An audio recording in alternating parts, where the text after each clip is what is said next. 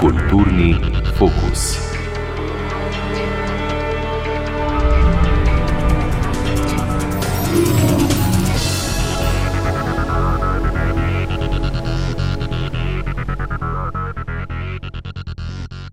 Dobro večer, želimo daj kulturni fokus. Nina Rajč Kranjac in Katja Zakrajšek.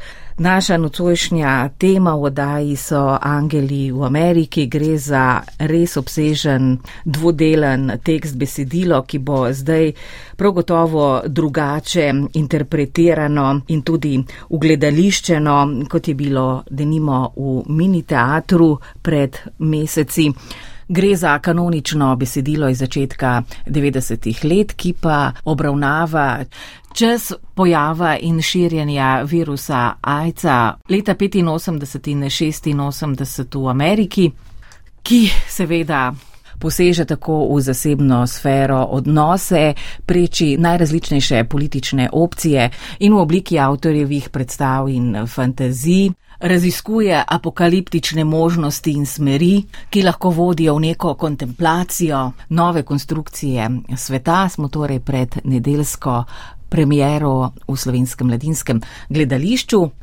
Kot rečeno, angeli v Ameriki, ki so kar zaposlili gledališko produkcijo pri nas v zadnjih dveh sezonah. S čim tako znemirjajo, kaj je v srži tega besedila, ki ga je režijsko in igralsko mogoče seveda interpretirati na več načinov. 80. leta tudi za danes gledano zelo zanimiv čas, ko se napoveduje rušenje zidov med vzhodom in zahodom. Tu je ideološko neoliberalna naveza železne lady Margaret Thatcher in Ronalda Reagana. Zelo odkrito se zauzemata za razdružbljenost in za podporo velikim korporacijam, Humanost in povezanost skupnosti je v razkroju, v začetku razkroja. Socialna politika ne dobi več podpore v okoliščinah prostotržnega gospodarstva. Tukaj je slabljenje sindikatov, medtem ko se tajkunske malverzacije spretno z borzo izogibajo državnim regulativam, kam, kako se bo ustrelil pogled iz te točke od tukaj, v katero so se zbirala desetletja hinavskega strinjanja in konformizma na svetovni ravni, verjetno. Nina Rajč Kranjac. Odlično ste to opisala. Zdaj, mogoče kar od tu naprej nadaljevala. Se mi zdi, da so to vse točke, ki se na nek način vežejo z neko trenutno sedanjostjo v konkretni Evropi. Eh, in da nek ameriški tekst postaja zelo pomemben za razmislek, kam naša družba in naša politična ureditev v bistvu, v kakšen način življenja siri ljudi ne, v, v sami ureditvi. To se mi zdi na eni strani, na drugi strani pa, da je sam tekst, eh, se pravi, ki ga je napisal Tony Kushner, eh, v ustvarjalnem pogledu ali pa mm, režijskem premišljanju izredno izzivalen, kaj ti se seveda sestavlja iz dveh knjig, pravzaprav, uh, in zahteva neko, nek razmislek o samih režijskih postopkih in teatru, kakšno, kakšno mesto naj ta teater danes sploh še zauzema. Ne bi rekla, da je to tekst, ki se je pravzaprav ubadal, uh, da ima reči z epidemijo AIDS-a in vsemi elementi, ki ste jih našteli. Se mi ne zdi, da je politični tekst niti da secira družbo, niti da ima kakršen koli namen to početi.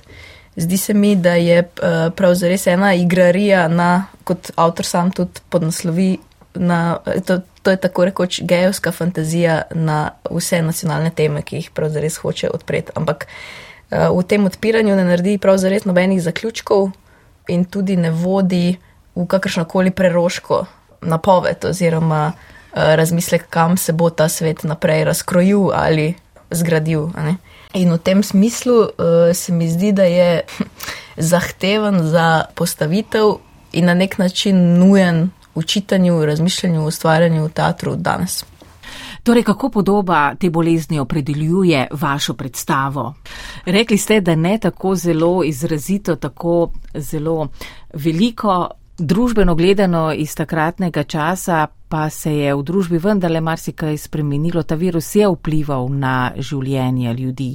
Kaj ste dognali v zvezi z vidiki teh recimo paralelizmov na več ravneh, uh -huh. recimo nedavno pretekle zgodovine, ponavljajočih se vzorcev in kar je vplivalo tudi na umetnost in gledališče v tistem času? Se pravi, moment, na kak način on AIDS vzpostavlja v samem tekstu, uh, se mi zdi, da to, kar je bilo za nas inspirativno, je, da je pravzaprav ta bolezen povzroča, da mogoče zadnjič v zgodovini civilna družba zauzame takšno, takšno odločitev, da se pravzaprav iz te bolezni reši sama. Se pravi, kot vemo, eh, je politika dolgo časa eh, zanikala obstoj tega virusa, ni se obadala z reševanjem tega problema, dokler pač število umrlih ni naraslo do uh, te številke, da so lahko to oklicali uh, kot pandemijo. Ne? Uh, in v ignoriranju tega prav zares se mi zdi leži neka točka, o kateri Kušner mogoče debatira, da so to v bistvu ljudje, ki so bili del margine, da so to ljudje, ki so bili uh, na drugi strani nosilci nekega liberalnega gibanja, uh, da so to ljudje, ki so bili v, v družbenem smislu zelo pomembni v artikuliranju nekega sveta ali pa razmišljanju, kot vemo, pač je ta bolezen pobrisala ogromno intelektualcev, umetnikov, uh, ne, ta številka je res uh, grozljiva in hkrati. V samem zdravljenju, ker pač zdravila ni bilo, niti se medicinska stroka pač lahko na to odzvala momentalno, uh, je ameriški sistem v resnici tukaj zatajal. Ne, zato, ker uh, ogromno, ogromno časa, se mi zdi, da od leta 81 do leta 87 prav zares niso uh, usmerjali nobenih, se pravi farmakološke uh, združbe niso uh, v bistvu se s to boleznijo ukvarjale. Ne? In cepiva še danes nimamo. Cepiva še danes nimamo, ampak um, pozicija, kako AIDS uh, postavi uh, v tekst je pa na nek način igriva, ker on postavi tezo, da ta, ki je okužen, eden od teh glavnih likov, prav zares postaja prerok njegove družbe. Uh, in to, kar eh, ima za sporočiti ljudem, je neka čudna, čudno sporočilo, kaj ti on reče. Se pravi, ko zboli, ga obišče angel in ta angel mu pove, da mora vsem zemljanom na svetu povedati, da se naj ustavijo, da se naj ne mešajo, da ne smejo napredovati, da ti ljudje lahko le teptajo, da lahko le uničijo, da mi ne moremo spoznati smisla sveta in tako naprej. In skratka, med tem, ko dobiva preroštvo, zares prevzema tudi, da ima reči, nek, neko ideologijo, ki je za današnji čas absolutno nespremljiva. Ne? Po izkušnji korona, pa ko vemo, da smo za trenutek živeli svet, ki se je zares ustavil, je zdaj ta zahtevna, se pravi, eh, mislim, od nas ustvarjalcev zahteva zdaj resnično premišljanje, kaj torej narediti. Kušner ni verjel, da se lahko tak svet zgodi, mi smo ga doživeli, ampak po koroni smo se vrnili na neke stare tire, kjer prav zares ničesar nismo spremenili. Se mi pa zdi, da je obstajal trenutek, kjer se je zdelo, uh mhm, -huh, mogoče bomo pa s tem svetom naredili nekaj popolnoma novega. In nismo. In zdaj Kušnerjeva teza naprej je, da je to nekaj, kar je del človeka samega. Eh, napredovanje in hkrati uničenje. Katja Zakrajšek, eh, zakaj nov osvežen prevod gre za drugačno stilno zaznamovanost tega novega besedila, se torej ta besedilna jezikovnost posodablja ali so tukaj tudi kakšni drugi trenutki, ki so bili zanimivi za novo prevajanje. Odgovor na to ste mi prej razlagali, ima več pramenov. Eni se tičejo odločitev gledališča slovenskega mladinskega gledališča v zvezi z novo uprizoritvijo. Vendar tukaj lahko odgovarjate sami, predvsem kot literarna prevajalka. Zdaj, prevod vedno izhaja iz nekega branja izvirnika. In tako kot pisanje, se tudi prevajanje ne dogaja v vakumu. In um, pri tem posredi niso samo neke estetske ali pa slogovne odločitve, nek umetniški temperament prevajalke, vse to seveda, uh, ampak tudi to, kaj z svoje pozicije vidi v tekstu, kaj v njem bolj skoči v oči, uh, čemu pri svojih prevajalskih odločitvah, ki seveda večkrat zahtevajo tudi kakšen kompromis, uh, daje prednost. In Tako, povsem načelno bi bilo seveda sjajno, če bi imeli vsak tak temeljni tekst na voljo v različnih prevodih, ki ponujajo različna branja, ne, različne perspektive na. Praktično je to izvedljivo samo pri krajših besedilih, absolutno pri poeziji. Drama je po obsegu nekje na robu tega. En primer, um, pri Angelih se mi zdi recimo zelo znimerljivo tudi vprašanje um, jezikovnih odločitev v zvezi z angeli oziroma angelmi, kot jih večkrat sklanjamo v prevodu, ker so pač v drami ospoljene v ženski spol, kar se mi zdi zelo izzivalna odločitev na nek način. Pri Kušnerju je vsaka angel strašna, je pa tudi izgubljena. In tako se med tako mogočnostjo, v bistvu skoraj pompoznostjo in klavrno izgubljenostjo giblje tudi njihova govorica to je recimo en tak zelo zanimiv prevajalski izziv. Zelo vznemirljivo, zelo izzivalno seveda je gledati na tekst z distance oziroma na čas z distance skoraj 40 let, če govorimo seveda o času največjega strahu pred ajcem in ko se zdi, da je ajc dejansko pustošil smrtonosno močjo. Kako se to metaforizira v naš čas, morda tudi ne glede na to, da so seveda dejstva o epidemiji COVID-a in epidemiji AIDS-a različna, ali tekst ponuja možnost, da v različnih časovnostih lahko začrtamo nekaj univerzalnejših poudarkov ali ne. V bistvu mislim, da govorimo o nekih 30 eh, letih od nastanka drame, krstni izvedbi sta bili leta 1991 in 1992, če se ne motim, in v slabih 40 letih od dogajanja v prvem delu, drugi del se potem zaključi tam okrog leta 90. Zdaj, ne vem, če, um, če bi ravno govorila o univerzalizaciji. Univerzalnost je nasploh pogosto problematičen pojem. Mislim pa, da je ob vsem, kar je povedala ženina, drama dejansko zelo uspešno artikulira dva momenta, sodobne globalne zgodovine, ki po eni strani utemeljujeta naš čas, ta čas, v katerem smo še vedno, po drugi se pa v njem tudi ponavljata. En je moment obtičalosti v hladni vojni, zdaj imamo pač drugačne iteracije. Takih globalnih, hladnih globalnih konfliktov, občasno seveda z vročimi izbruhi, ti so vedno bili, uh, ampak v času tako imenovane hladne vojne zunaj Evrope, ne, v nekem vsaj, se pravi, optičalost, v nekem vsaj navidezno večnem in nerazrešljivem globalnem konfliktu. Po drugi strani je pa tukaj moment sprememb tistega občutka, vsaj gledano z enega dela zemljske oble, da se razpirajo možnosti nekega drugačnega sveta in kaj bomo zdaj s tem naredili. Zdaj vemo, ne na koncu drugega dela drame, eh, se like tistega omenjenega daljnega leta 1990 na koncu sprašujejo, kaj bo zdaj v teh krajih, kjer se zarisujejo um, te spremembe. Uh, poimensko je omenjena Jugoslavija med drugim, ne, prav izredno uh, v duhu globalnega vetra sprememb, če se spomnite te, te balade. Za nazaj vemo, kaj je sledilo. Skratka, drame gotovo ne moremo več brati kot od njeni krstni uprizoritvi. Beremo jo skozi vse plasti tega, kar se je zgodilo potem In mislim, da s tem postane njeno branje ravno zaradi tega, kako lucidno v bistvu postavlja temelje. Ne? Še dosti bolj nijansirano in bolj kompleksno, ker je pač to tekst o takšnih temah, ki ga vsak čas lahko bere po svoje in vsak prostor in vsaka generacija.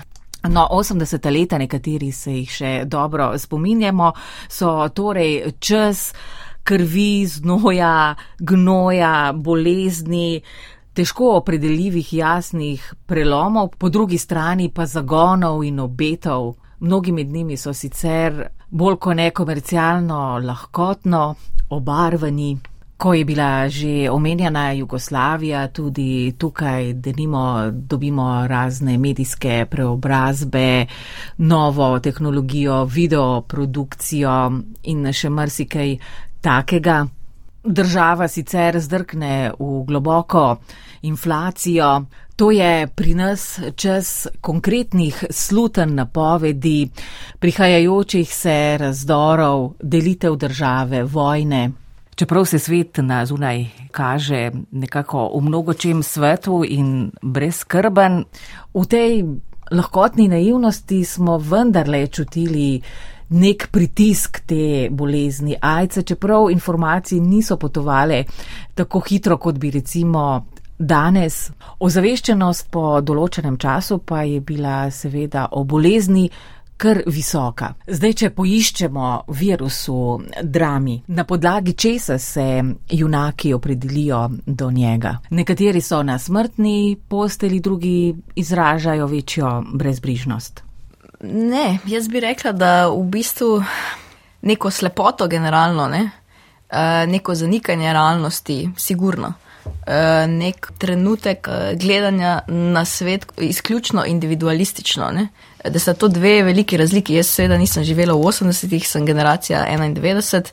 Vse to, kar sledim, je mogoče bolj blizu in je tudi vplivalo na, neko, na nek način življenja in sploh mojo identiteto. Ampak to, kar je zanimivo v samem tekstu, je, da Kušner stavi pravzaprav na eno melodramatično uh, bazo. Se pravi, kot bralec, gledalec se najprej vstopa v življenje dveh parov. Ta slutnja nečesa, kar prihaja, in ta želja živeti ta ideal ali pa to svojo sliko o neki realnosti, eh, se pravzaprav zveže na ljubezensko zgodbo teh dveh parov. In v to ljubezensko zgodbo zareže kontekst nekega časa se pravi bolezen, in na drugi strani, kot je Katja prej opisala, ena kolektivna katastrofa, ki šele prihaja. Se pravi, na vzhodu bi to bila perestrojka, na zahodu uh, je to uh, epidemija. Se pravi, Kušnereva teza postavlja v, v dve opni bolezen in vojno. In ju na nek način enači. Ampak kot rečeno, to samo v neki igrariji. Jaz mislim, da se tega sploh ne sme jemati za res. On v samem žanru, pač, kako on odpre sploh hladno vojno in perestrojko, on jo odpre z likom slepega bolševika.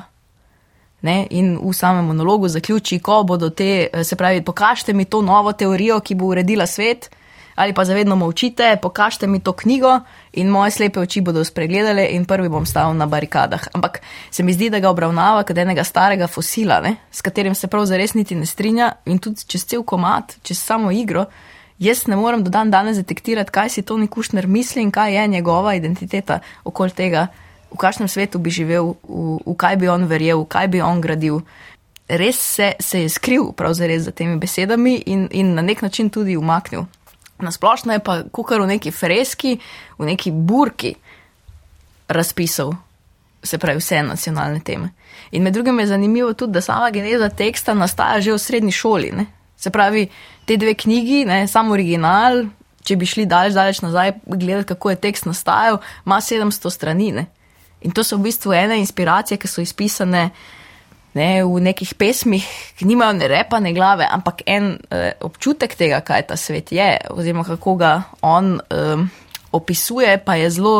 Uh, zelo igriv, na meji včasih celo med sitkomom, se pravi, žanrsko neulovljiv. Uh, na 30 strani se zdi, da bi lahko imeli uh, vse monologe in dialoge kot neke resne razprave, ampak že 100 strani kasneje uh, te pusti na cedilu. Ne? In je zato se mi zdi danes tudi uh, na nek način zelo aktualen, ker se ne drži prav za res nobene teze. To ni evropski tekst. To je ameriški tekst, ki uh, je v svojem, kako bi rekla, v svoji logorečnosti slone. Lahko je iritanten, ker človek koplje, koplje in si želi, da bi spodaj našel nekaj temeljnega. Ne? Tega pa ni. In se mi zdi, da ravno to povezuje z poanto tedanjega časa in neki se očitno povezuje s tem časom danes, ker smo na nekem prehodu. To, kar prihaja, ne vemo, se pa čuti, da to, mislim, vsaj meni, no, da ta neka stabilnost oziroma sanjavost je ogrožena. Čisto individualno, no, če, če pomislimo. Uh, se pravi, zdravstvo, šolstvo, dobrine neke civilne družbe, uh, ustave, ki te mehanizme ščitijo, se mi zdi, da so uh, na nekih trhlih treh trenutno. No.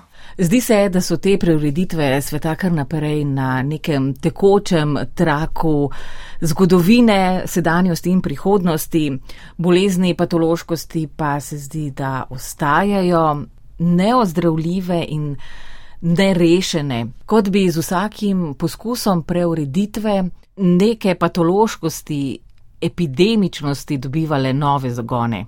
Ste prebirali tudi kakšne druge tekste, druge vere, drugačne vere, da ste si lažje predstavljali dejansko stanje v Ameriki v 80-ih in tudi v začetku 90-ih let in si tako zastavili neke okvirje za predstavo. Manj podatkovno, schematično, kot eh, sem se tega prejle v napovedi sama lotila, tako da ste bolj posegli v življenje v meso tistega časa. Življensko pričevalne osnovi, iz katerih bi bilo mogoče kaj konkretno izčrpati. Ja, ogromno dokumentarnega materiala je ogromno tudi v smislu video zapisov, ne? čeprav se to razvija šele kasneje, ampak uh, v samih postopkih tedanje, uh, se pravi, reganovske vlade, je možno slediti ogromno dokumentarnih podatkov, ki ti pomagajo, da med branjem teksta uh, se boljše umestiš, da kot tekstualno sploh razumem kot usvajalec, kaj, kakšen je ta bazen. Ampak recimo za me uh, je bilo bistveno čitati Svetlano Aleksijevič, čas iz druge roke, nadalje Černobylsko molitev, ker se mi zdi to perspektiva, ki je mnogo bolj pomembna, da ta tekst sploh zadiha. Se pravi, v samem uh, razumevanju Zahoda, ob tem, kaj je že sama problematika izpisana v tekstu, je za me bilo pomembno razumeti, kaj se dogaja na vzhodu. Ne, kaj, je, kaj je ta neka bitka, uh, kaj bi bil kontrapunkt, če hočete. Ampak spet ne, tokom dela sem dojela, da si kušner, mislim, upam, da mi to ne bo zameril, no, ampak si najbrž ne bo poslušal zdaj te oddaje. Eh, sposodi črnobilsko katastrofo kot nek vrste glimpsne. Nekam bomo še skočili, no. Najbrž zaradi tega, ker je njegovo stališče teh katastrof je ogromno, kot sem rekla na začetku, je zanj očitno njegova premisa, da je uničenje del človeka. Ne? In da prav zares ne zna funkcionirati. Zdaj nekateri ljudje so vendarle še vedno bolj idealistično usmerjeni in um, nekako ne želijo kupiti recimo takih premis. Kako pa, Katja Zakrajšek, vi rokujete recimo s temi morda za vas drugačnimi uvidi v svet, pa tudi seveda že omenjeno distanco časa? Ste odkrili kako presenečenje zase? No, mogoče bi začela s tem, da, kot je že rekla Nina, ne, tukaj res nimamo opravka s tekstom, ki bi nam uh, serviral neke resnice kot stabilne resnice. Namesto tega nam servira vprašanja, ki pa so izjemno zavezujoča in v tem smislu, uh, za razliko ne, od uh, sogovornice, bi jaz rekla, da je to absolutno političen tekst, ampak ne gre za nestrinjanje o samem tem tekstu, ampak za vprašanje, kako sploh razumemo to, čemu, čemu sploh rečemo političen tekst. Vsekakor eh, nam drama, kot sem rekla, zastavlja vrsto zelo pomembnih in zavezujočih vprašanj in to je v bistvu tudi gotovo njena oblika. Zdaj, kar, je, kar je predvsem pri branju zanimalo mene, seveda pri prevajanju preverjaš razne kontekstualne podrobnosti in tako naprej, da stvari pravilno, povsem dejstveno umestiš. Ampak um, kar je tudi mene pritegovalo, so um, usporednice, no, bolj kot fakti 80-ih let. Recimo, Angeli v Ameriki strašno uspešno artikulirajo, kako zelo družben pojav je bolezen imamo upravka seveda z dvema zelo različnima boleznima, ampak se pravi, kako zelo družben pojav je bolezen, kaj šele epidemija neke bolezni. Uh, se pravi v drami AIDS kot stigma, AIDS kot grožnja, zanikanje, AIDS kot tisto družbeno neizrekljivo, AIDS kot orodje za demonizacijo nekih družbenih skupin, AIDS kot kazen, potem vse, kar vemo o prioritetah glede preventive in zdravljenja in kako se te prioritete ki so politične prioritete, prepletajo z moralnimi sodbami in predsotki nekega časa. In to so vse stvari, ki smo jih lahko, seveda na zelo drugačne načine, pa na globalni ravni, um, opazovali tudi pri pandemiji COVID-a. Ne, da bi hotela vleči kakšne preveč podrobne usporednice, ker, um, ker to ne bi bilo neprimerno, ne, nedejstveno ustrezno. In na vse zadnje, kaj je tista čisto človeška cena, ki jo v največji meri nosijo družbeno najbolj ranljive skupine. In potem sta tukaj seveda tudi bolezen in kužnost kot politična metafora, ki se posebej rada uprijema desnica in jo zbližuje s temami moralne čistosti, čistosti nacije. In v bistvu dokler bomo imeli opravka s to vrstno politično retoriko in s to vrstno politično retoriko imamo opravka, bodo Angli v Ameriki ponujali ogromno nastavkov za razmišljanje o povsem sodobnih iteracijah teh tem in bodo aktualni, ne samo v pandemskih ali postpandemskih časih. Prav izvedba tega besedila je bila, kot rečeno, se je zgodila nedavno nazaj v mini teatru v Ljubljani. Zakaj zaradi česa, da nimo ga tukajšnja gledališka srednja že prej ni odkrila kot relevantnega, izzivajočega za ta prostor, tudi zaradi same gledališke dramske pisave avtorja, nekakšne mentalitetne oddaljenosti avtorjev tega prostora.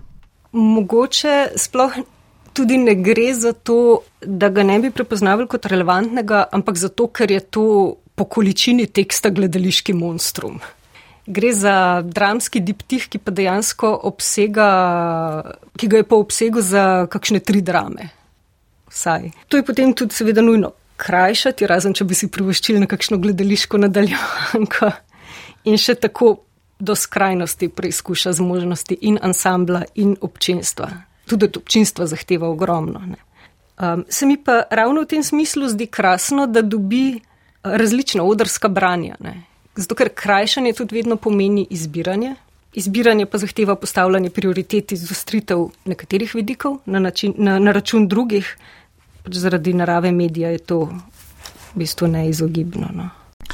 No, režiserka predstave Nina Rajič Kranjac, katere vidike, katere poante iz besedila boste bolj izpostavili, kaj bo tista nit, ki bo potegnjena skozi predstavo, kje, v čem je bolj zaostrena, koliko časa bo trajala.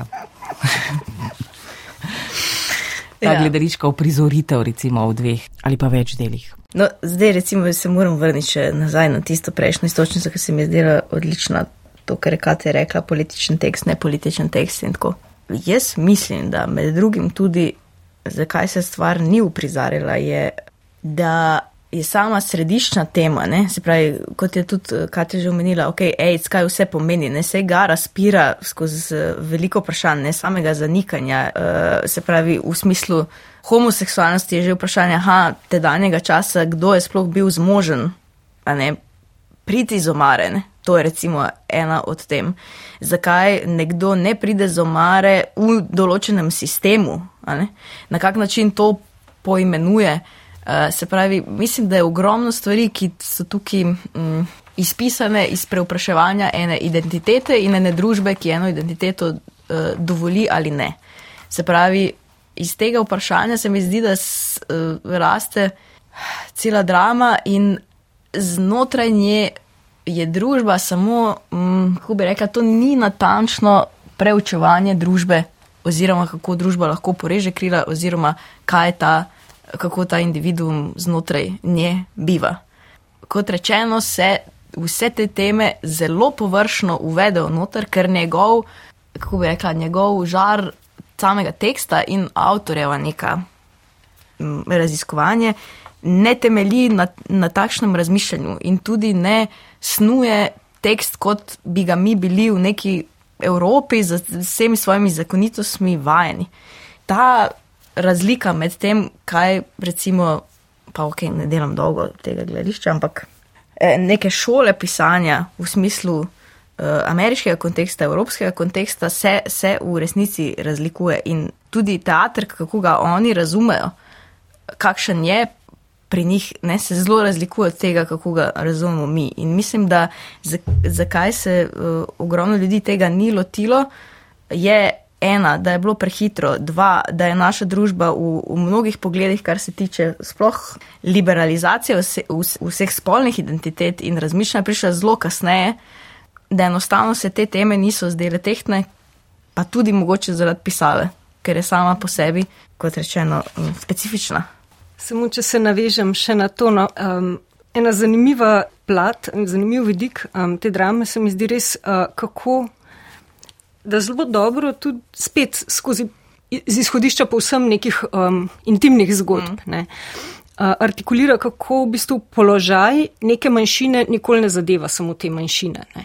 Da je to obče družbeno vprašanje par excellence. Tako da, da v bistvu um, govorjenje o tem in po drugi strani o velikih temah uh -huh. nista dve različni stvari, ne? ampak uh -huh. nasprotno, da v bistvu v velikem slogu potegne te velike teme, oziroma drugače rečeno, da v velikem slogu potegne to temo homoseksualnosti iz neke njene niše, kamor smo jo tudi pri nas potiskali ali pa jo še vedno doskrat potiskamo, in preko nje naslovi vprašanja nacionalnih tem. Mhm. Se pravi, imamo individualno, imamo osebno, imamo partikularno. Ki seveda ni samo to, ampak se razliva in širi v neko širšo sliko, družbeno, platno, globalno, tudi. Poteze na njem so lahko tudi danes v sodobnem času zelo arhetipsko naslikane, lahko seveda tudi ne. Kolikor sem lahko razbrala iz fotografij, se predstava dogaja tako v notranjih prostorih kot zunaj. Vse to je. Kaj torej? Kako bomo razumeli to vašo stvaritev? Torej, gre za preigravanje znotraj oseb, za njihove so odzive, so prepletanja ali jih umeščate v drugače, širše kontekste, tudi morda neobičajne. Uh, jaz mislim, da ne gre brez obeh. Ne? In tudi upam, da je to vidno v samem materialu oziroma predstavi, ki nastaja. Um, je pa um, zanimivo, da, nas, da smo mi dele teksta, kjer, ki bi si drznem reči, no, uh, kjer bi večina ljudi ustrajala in bi jih počrtala ne, in se vrnila na neke uh, realne dele, uh, smo mi ubrali nasprotno pot. Se pravi, nas je mnogo več zanimalo, kaj se začne dogajati v vseh halucinacijah.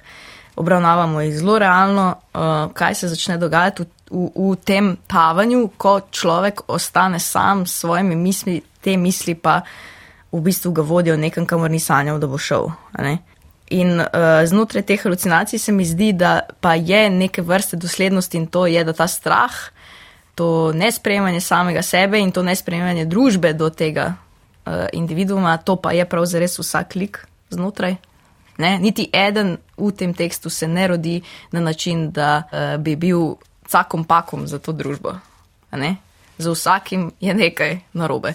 In znotraj tega se mi zdi, da pa je nam, uh, mislim, vsaj meni bilo ogromno vodilo, ok, kam zdaj to stvar zapeljemo. Ne? In na tem nivoju pa najdemo ogromno usporednic, ne? ker v bistvu strahom, strastjo, frustracija, bes, bes uh, upor, uh, ne, to so vse neke poti nekega duha znotraj tega človeka. Eh, ki se na nek način, bodi si skozi bolezen, bodi si skozi neke vrste krivico, bodi si skozi eh, neko nezmožnost bivanja v nekem prostoru, vseeno bori in ustraja, ne glede na to, eh, koliko je to težko v tej situaciji obstane in se bori in bo usklikal na koncu še več tega življenja, kakršno koli to je. Se pravi, ta del se mi zdi, da je nekako hrbtenica šesturnega potovanja. Koliko odmorov bo? Um, jaz mislim, da dovoljno. uh, dovolj in tudi se mi zdi, da zunanji deli prav zares so ekstremno filmični in delujejo kot neke aktivne pauze. Tako da z testnimi publikami do zdaj smo dobili feedback, da v resnici se ne vleče in da človek to normalno zdrži. No. Ampak vseeno, če bi ta uh, tekst opredeljevali oziroma um, to gledališko predstavo, kako bi jo, razen tega, da gre za neko igrarijo, recimo, opredelili kot grotesko v smeri apokaliptičnega potovanja. Gre za veselo ludistični performance.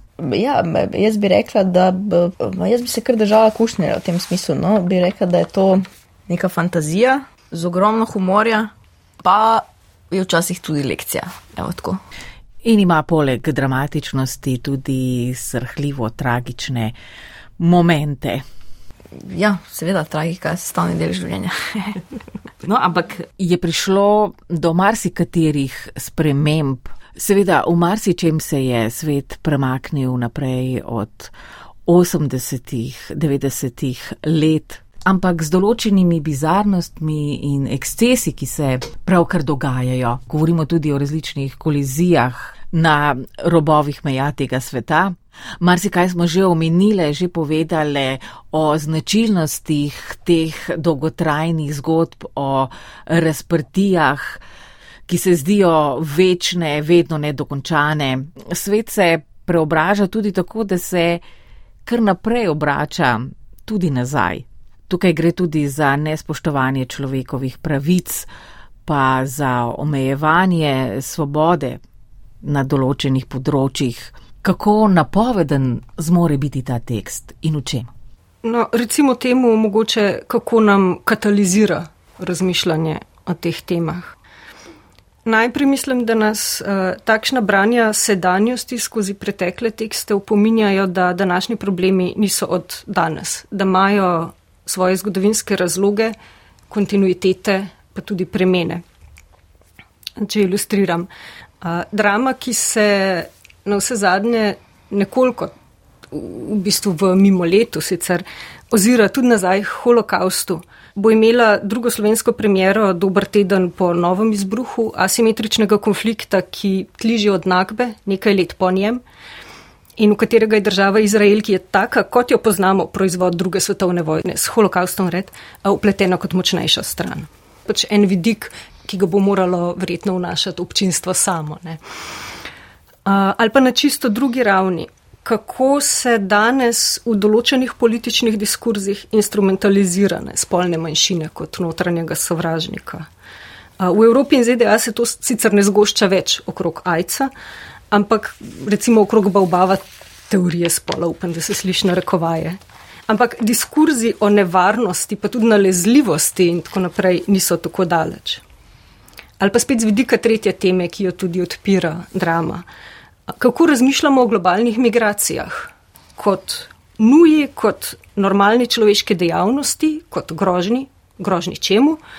Um, in kako v zvezi s tem razmišljamo o medkulturnih stikih ali kulture, kulturo, človeško kulturo, katerokoli razumemo v statičnem smislu ali dinamično, ne, ker pač v drami angeli na neki točki pridejo na misel, da bi se moralo človeštvo zaustaviti.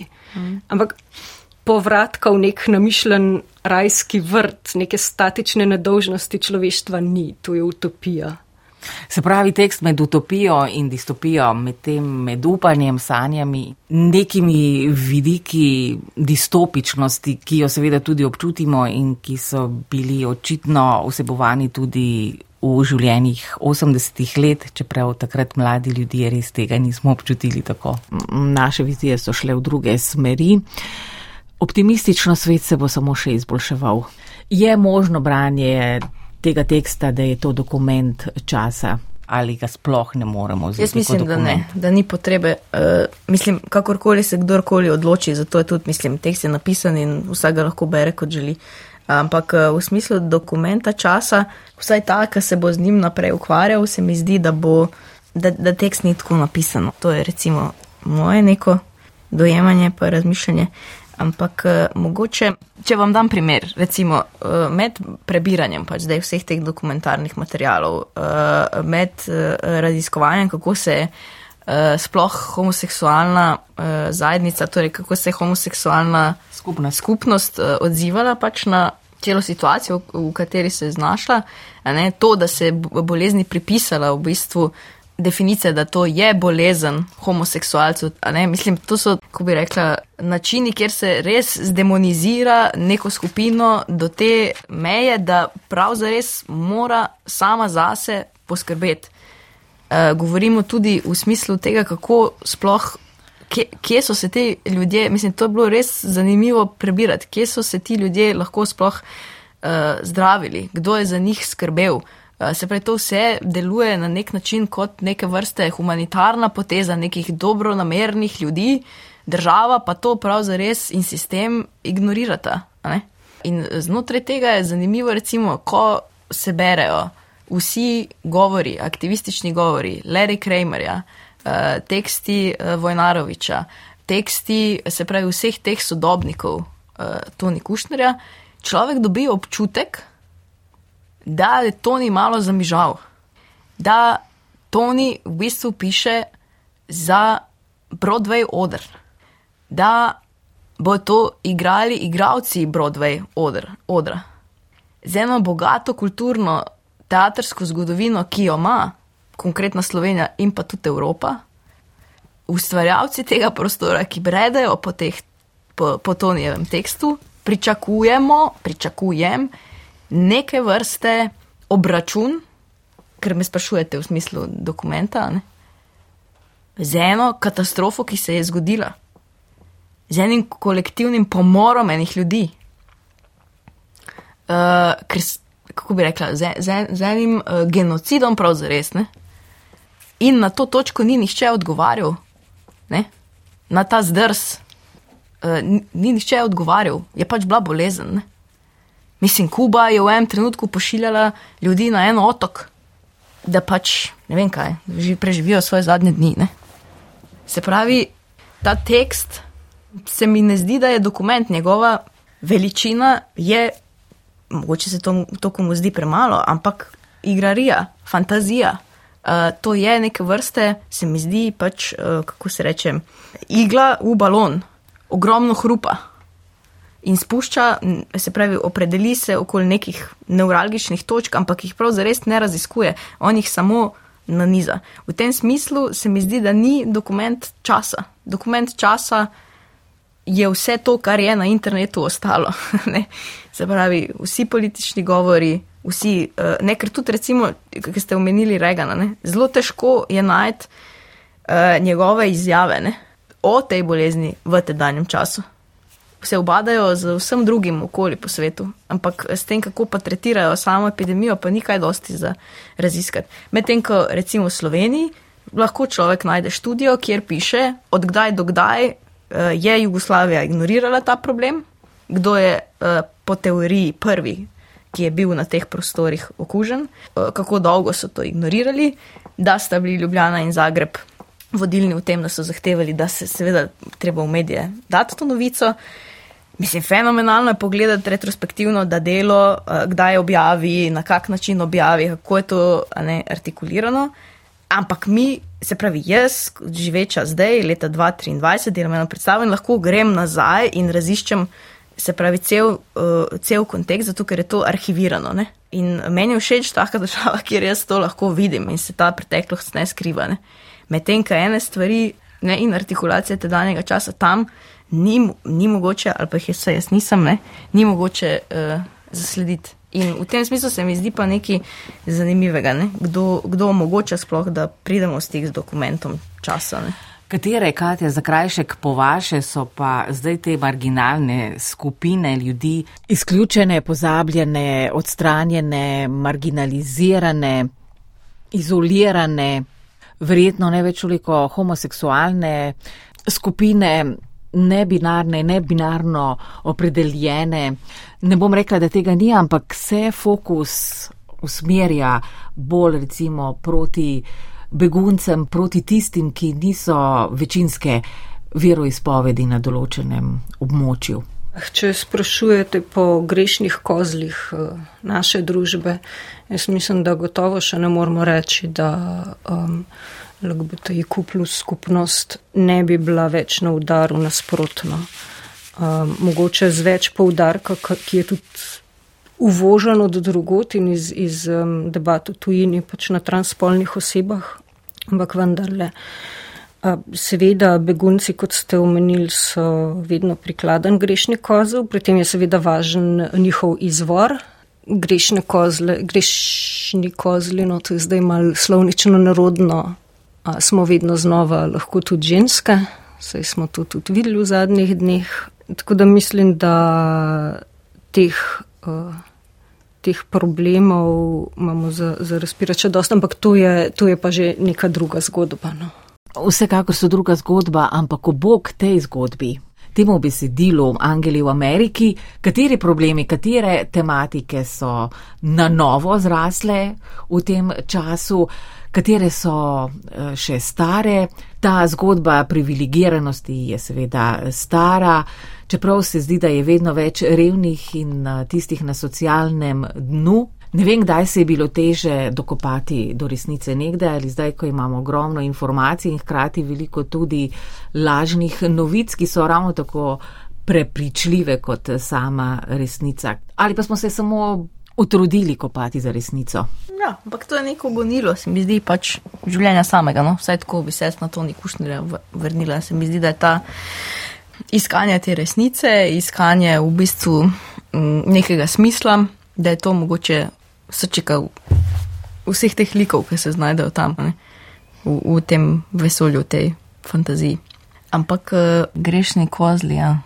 Se pravi, sama drama postavi tezo, da nekdo za svojo spremembo potrebuje nekoga drugega. Bodi si, da je to partnerska naveza, bodi si, da je to prijateljska naveza, bodi si, da je to naveza država in njen državljan. Za spremembo, za uvid o samem sebi in družbi potrebuje tega drugega. To je neka baza. Ko pa znotraj stika drug z drugim pride do konflikta, pa ne ena, ne druga stran ne popušča, se pravi, vsaka gre v svojo smer, pridemo do tako imenovanega razhoda. In zdaj na najbolj osebni ravni in na politični ravni ta stvar v samem tekstu vodi v konkretno spremembo človeka samega. E, in mogoče vabi k temu, da ko pride do konflikta, se iz konflikta ne beži in v resnici gleda in na eni in na drugi strani, kako znotraj njega sebe spremenim in s tem spremenjam tudi drugega. Tako nekako. In delamo mikroskopske preobrazbe tudi na delu nekega drugega sveta. Najlepša hvala za obisko Daj kulturni fokus, režiserka predstave Angeli v Ameriki, ki bo premiero doživela to nedeljo v slovenskem mladinskem gledališču. Nina Raječ Kranjac, medtem ko je Katja Zakrajšek znova še enkrat prevedla v slovenščino besedilo Angeli v Ameriki. Srečno na nedeljski uprizoritvi, vsem pa lep večer še naprej.